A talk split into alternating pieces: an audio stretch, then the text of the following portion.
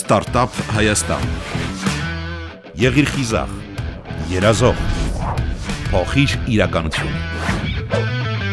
Դուք լսում եք FM 103 եւ 8 հաճախականությունը։ Եթերում Ստարտափ Հայաստան հաղորդումն է։ Նարեկի մաման եմ։ Նարեկով ունի աուտիզմ եւ արդեն 15 տարեկան է։ Շուտով 16-ն ենք բոլորելու։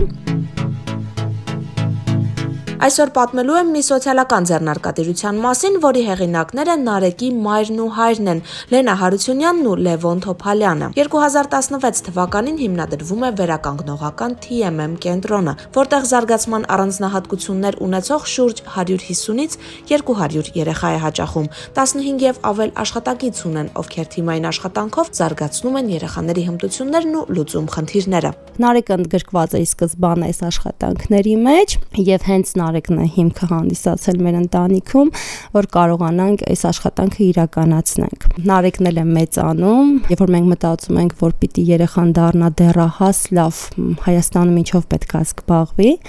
բնականաբար անդադ ընտանիքով մտածում ենք ինչ ենք անելու հետո, շուտով թերապիաներն էլ կավարտվեն, սոցիալական միջավայրում ընդգրկում ենք ամեն օր, բավականին ինտենսիվ աշխատանք ենք իրականացնում, ինչով պիտի զբաղվի Նարեկն ու Նարեկի նման բալիկները։ Մի քանի երկրներում տեսանք, թե ինչպես են աուտիզմ ունեցող երիտասարդները ընդգրկված տարբեր աշխատանքներում, այդ աշխատանքները հիմնականում գործարաններում էր կասերվաների գործարանում, կան պահոցների գործարանում, նրանք ինչ որ գործունեություն էին իրական իրականացնում կամ փաթեթավորումներ տարբեր գործունեության մեջ ընդգրկված էին։ Մենք անդադ մտածում ենք այդ ուղությամբ Հայաստանում այցելեցինք ես ու Լևոնը, հա, ամուսինս մի քանի գործարաններ, որտեղ պիտի հասկանանք արդյոք մեր երեխաները կարող են ընդգրկվեն։ Մտածում ենք բաժակների գործարանում, հա, ափսեներ, բաժակներ, այդպես ենք մտածում երեխաներն ընդգրկվեն, բայց տեսանք, որ այնտեղ հաստոցներ կան, բավականին կտրող գործիքներ։ Մտածում ենք, որ միգուցե դա շատ վնաս լինի երեխաներին, որովհետև ամեն դեպքում դեպքում երեխաները ունեն ուշադրության կենտրոնացման խնդիր եւ բարդ կլիներ այդ դեպքում այնպես աշխատեն, որ անվնաս լիներ։ 2020 թվականին ամուսինները որոշեցին նոր քայլ անել եւ լուծել իրենց ворթու ու նրա նման երիտասարդների զբաղվածության հարցը։ Լևոնը սկսում է ուսումնասիրել շուկան, հետո պայմանավորվածություն է ձեռք բերում հայկական խոշոր արտադրողներից մեկի հետ, որից վերցնում են պատրաստի անձեռոցիկներ, որոնք երիտասարդները տեղավորում են այնպիսի տուփերում, որ կարիք չկա սոսնձելու։ Դրանք կտրված են այնպիսի տեխնիկայով, որ կարելի է նաեւ ձեռքով հավաքել։ Այս պահին ինձ բիզնես այդքան հետաքրքիր չի, մեզ ավելի շատ հետաքրքիր էր այդ երեխաների աշխատանքի ապահովումը, որովհետև մենք ԱՄՆ-ում եւ Գերմանիայում գտնվելով ուսումնասիրել ենք ոլորտը, այնտեղ էլ շատ մեծ դժվարություններ կա, ուղղակի տարբերություն մեզ, այնտեղ այդ դժվարությունները դրված են պետության վրա, իսկ այստեղ դրված են անհատների վրա, որը շատ դժվար անհատի համար, ասենք պետության համար նման լուծում տալը շատ հեշտ է իսկ անհատի համար, ասենք, հաստոտ ձեռք բերել, շուկա մտնել, Հայաստանում դժվար է, մոնոպոլիաներ շատ կան։ Չինաստանից են ներմուծում, Թշնամի պետությունից են ներմուծում, անձեռոցիկներ պատրաստի եւ նաեւ հումք, դե հումքը ինչ որ միտեղ ես չեմ բանում, կարելի է ներմուծել, բայց պատրաստի անձեռոցիկ ներմուծել եւ խանգարել տեղի արտադրողին, դա սխալ է։ 44 օրյա պատերազմի ժամանակ համուտների տերերը համախմբեցին ինչ-որ մի պահ ակցիա արեցին, բայց հիմա ոնց որ արդեն էլի մոռացվել է ու ներմուծումը կա։ Բայց այդ ամեն ինչը կապված է ֆինանսի հետ, ասինքն եթե մեծ ներդրումով ինչ-որ մի հատ արտադրամաս կառուցվի, հնարավոր կլինի ավելի շատ մրցունակ լինել շուկայում։ Հիմա պետությունն էլ է գտնում բավականին ծանր ու բարդ վիճակում, ես հասկանում եմ դա։ Հույսով եմ, որ այս բարդ իրավիճակից դուրս գալուց հետո սոցիալական այդ ծրագրերը ավելի մեծ թափ կհավաքեն։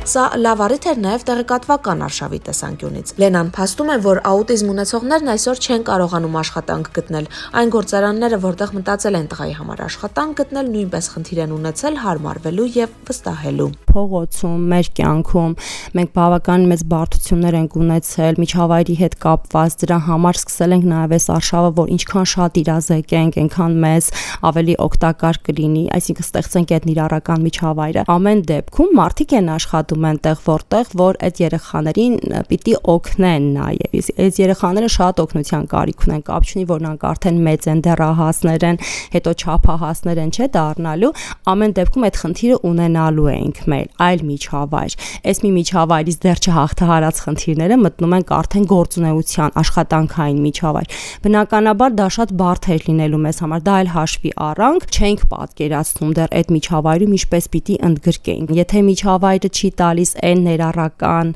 միջավայրը, որով մենք ենք ուզում մեր երեխաներն ընդգրկվեն, միգուցե դա մեզ է տրված, որ ինչ որ բան փորձենք անենք այդ երեխաների հետ կապված եւ երևի թե դա մեր մոտ ստացվեց։ Իրականում երիտասարդների զբաղվածությունն ապահովելու միտքն ավելի հասունացավ, երբ համավարակ էր։ Լենան հասկացավ, որ Նարեկի համար պետք է ստեղծել զբաղվածությունն ապահովելու մի հետաքրքիր միջավայր, որը նաև աշխատանք կդառնա նրա եւ մյուս երիտասարդների համար յուրաքանչյուր փակուղի ստեղծում են նոր հնարավորություններ, չենք մտածել դրա մասին, բայց հենց այս փակուղու ժամանակ, երբ որ հասկացանք, որ մեր երեխան այլևս տեղ չունի գնալու, ունենք փաստացի ունենք սեփական կենտրոն, մասնագետներ չեն գալի, այլ երեխաներ չեն գալի, ինքը մեծացել է, լավ տանը նստած այդ երեխան ինչ է անելու, չէ՞։ Զուգարանի թղթերը կամ անձերոցիկները բոլորը կրում էին տուն, չգիտես ինչի սնունդ ավելի քիչ էին տանում, քան այս թղթերը։ Հենց այդպես ամուսնուց մոտ մի միտք առաջացավ, որ կարելի է այն ինչ գործնություն, որ պիտի անեն, կարելի է ամեն ինչ անել թղթի հետ կապված։ Նախ թուղթը ինքը անվնաս է, այսինքն երիտասարդները կարող են շատ լավ ինչ որ փաթեթավորման հետ կապված աշխատանքի մեջ եւ տանը նստած նույնիսկ կարող են այդպես աշխատել եւ վաճառել ու նրանք էլ ընդգրկվեն աշխատանքի։ Ամեն դեպքում սկզբից այդպես մտածեցին։ Հեռախոսով ինքը մտնում էր ինչ որ գործարաններ, նայում էր թե ինչպես են աշխատում այդ գործարաններում, այդ միտքը այսպես բազմակողմանի ընտանիքում առաջացավ եւ անմիջապես 1-2 օր հետո մակետը պատրաստեց Լևոնը ու բերեց։ Մակետը համապատասխան է մեր երեխաների մատերին։ Ամեն ինչ հաշվի առած, այսինքն մեր առաջին անձեռոցիկը, որը սրբիչ անձեռոցիկն է, սեղանի անձեռոցիկը, ինքը մի քիչ ավելի մեծ չափերով է, քան մնացած այլ անձեռոցիկները։ Մենք պատրաստեցինք ու երեխաները պիտի դա փաթեթավորեին առանց սոսնցելու, այսինքն բոլոր անձեռոցիկները այս պահին եւ սկսած 20 թվականից ստեղծել ենք, ձերքի աշխատանք է համարվում։ Անվնաս հավաքվում են եւ կան այնտեղ գեղեցիկ գրված ձոն խոսքեր, որը որ մեր հոգու խորքում ծնողներին ինչ որ մենք չենք ստացել հասարակությունից, մեկ դու պանձերոցիկի շնորհիվ մենք ուշադրությանն ենք գրավում այդ խոսքերը։ Ցանկացած օրը չգիտի ինչ է աուտիզմը, օրինակ, եթե գնում է այդ անձերոցիկը, օրինակ մտնում է խանութ, տեսնում է այս անձերոցիկ գեղեցիկ puzzle խճանկարներով գեղեցիկ անձեռոցիկ հետաքրքրություն է առաջանում, չէ՞, ինչ է, խաղալիք է, ինչ է, ամեն դեպքում անձեռոցիկ է, կարդում է վրան գեղեցիկ գրված տողեր, բոլորս հավասար ենք, օրինակ ապրենք միասին, հաղթենք միասին, այսօր յուրաքանչյուր մարդ, ով որ որ գնում է անձեռոցիկը, նրան հետաքրքիր է, լավ, ինչ է, աուտիզմ է գրած, բացում է, ինտերնետով նայում է, աուտիզմ հաշմանդամություն է տողերով եւ մատուցած ապրանքով արտադրությամբ հասարակության ուշադրությունը գրավում ենք այդ գեղեցիկ անձեռոցիկները, որոնք օգտագործում են եւ ավելի ինֆորմացված են լինում, հանդուրժող են դառնում, գտնում են TMM soft-ը եւ նայում են տեսնում են ինչ է իրանից ներկայացնում TMM soft-ը։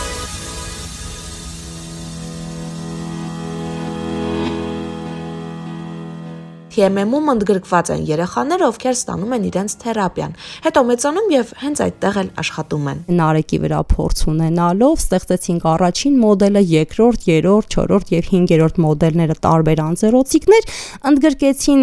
իր ընկերներին համապատասխան ունակություններով եւ սկսեցինք աշխատել։ Աշխատանքի մեջ այս պահին ընդգրկված են երկու մասնագետ, ովքեր օգնում են երեխաներին կատարել լիարժեք աշխատանքը, վարքն են վերա հսկում, աշխատում են մոտորիկայի հետ, սկզբնական շրջանում ուսուցում է, հետո նոր արդեն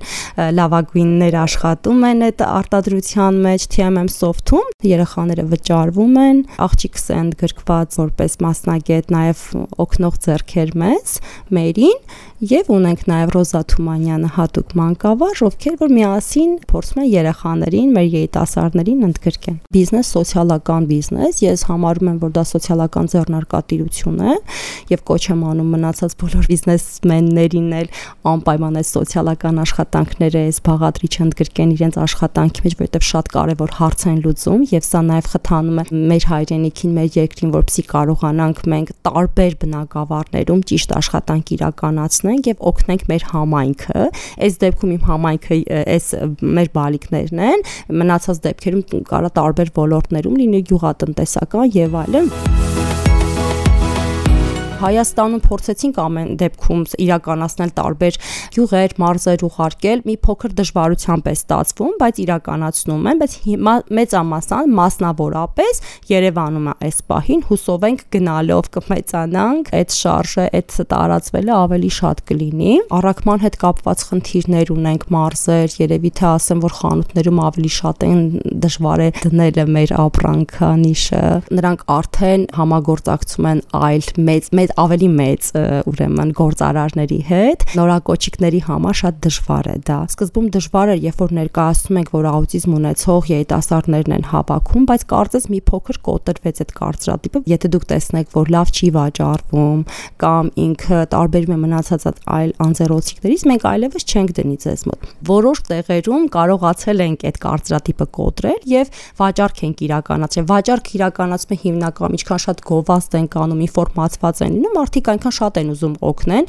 բայց ամեն դեպքում ի սկզբանե մեր ընտանիքում էլ դրված էր այն գաղափարը, որ մենք չպետք է վաճառենք անձեռոցիկները նրա համար, որովհետև աուտիզմ ունեցող երիտասարդներն են անում, ոչ միայն, որովհետև մենք պետք է լինենք որակապես բավականին բարձր։ Այսինքն շուկայում ինքը գոնե մրցակցային առումով պետք է մրցեն, որովհետև մեկ առնեն, հա, խղճի խայթը զգալով, մեկ առան հաջորդ անգամ չեն գնելու։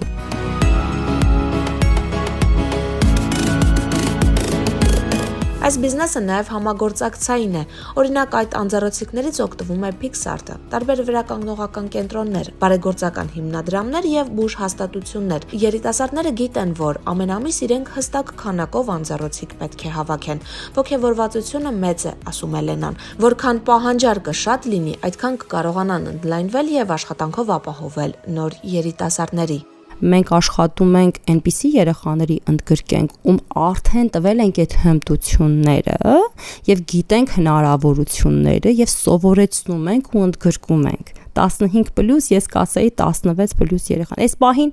5 երեխա, ավելի շատ էինք ընդգրկել։ Դժվարություններ կար ծնողների բերելու, տանելու հետ կապված։ Երեխաները ինքնուրույն չեն գալի, ծնողներն են բերում։ Նպատակներից մեկը նաև նա է, որ մենք կարողանանք այնքան աճենք, որ կարողանանք մի քանի հարց լուծենք։ Օրինակ մենք այս պահին հաստոց չունենք։ Եթե մենք ունենանք հաստոց, մեր ծնողներն ովքեր բերում են երեխաներին իրենց փաթեթավորման process-ում են ընդգրկված, նրանք աշխատեն հաստոցների վրա, որն ավելի զգուշություն է պահանջում եւ ծնողները կարող են եւ իրենց երեխաները այդ ընթացքում փաթեթավորման վրա մենք մի քանի հարց կլուծենք, բայց փաստացի ստացվում է որ ծնողը բերում է եւ սպասում է նախասրահում, միջև երիտասարդները կվերջացնեն աշխատանքը, որը էլի շնորհակալություն ենք հայտնում ծնողներին, որ բերում են։ Այս պահի դրությամբ 1 ժամ են փաթեթավորում ու հասցնում են, բայց գնալով ավելի կշատացնենք, եթե պահանջը մեծ եղավ, եթե լինում է ավելի շատ ենք պահում երեխաներին,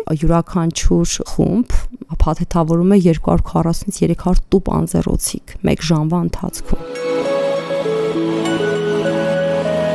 երիտասարդները վարձատրվում են այնպես, ինչպես մյուս գործարանների աշխատակիցները։ Դա նրանց ողջևորում է ու պատասխանատվություն առաջացնում թե իրենց, թե իրենց կատարած աշխատանքի հանդեպ երիտասարդներ ունենք, որ հենց իրենց ենք տալիս ծնողների մոտ, շատ են ուրախանում, մոտիվացիա իրենց համար եւ նույնիսկ իրենք գիտեն արդեն ինչ են գնելու, հա, անձնական։ Երիտասարդներ ունենք, ծնողներին ենք տալիս։ Շատ քիչ են ստանում երեխաները 20000, 30000, ինչքան որ փաթեթարում ամեն երեխայի մասն է։ Այսինքն ինչքան գալիս են։ Ամսվա կտրվածքով ամիս ու կեսը, օրինակ 5 երիտասարդներ են, ինչքան որ փաթեթավորում են այդ ամիս։ Եթե մենք ունենք շատ պատվեր, ավելի շատ է լինում, այսինքն դա կապված է նաև թե ինչքան ենք մենք վաճառում։ Լևոնը հաստատում է Լենայի ասացներն ու ավելացնում, որ հնարավոր է մի քանի խնդիր միանգամից լուծել, եթե բավարար քանակությամբ ֆինանսական միջոցներ ունենան։ Այս պահին աշխատում են այդ ուղղությամբ։ Հայաստանում հնարավոր է ստեղծել ամեն ինչ, միայն թե պետք է մի քիչ քաղաքացին ցանկություն ունենա, մի քիչ էլ պետությունը, ասում է Լևոնը։ Հայաստանի աուտիզմ ունեցող երեխաների ծնողների հետ եմ շփվում, հասկանում ով ինչ խնդիր ունեն պապաների հետ հիմնականում իրանք էլ այդ մտահոգություն ունեն, որ այդ երեխաները մեծանալուց հետո ոնց է լինելու, ինչ է լինելու։ Մենք ինչ որ տարբերակներ կա, քննարկում ենք, աշխատում ենք, պլանավորում ենք։ Իսկ կոնկրետ իմ ու Լենայի ծրագրերի մեջ մտնում է արտադրամասի մի փոքր արտադրամասի հիմնում, հաստոցների ձեռքբերում ու աշխատատեղերի ավելացում։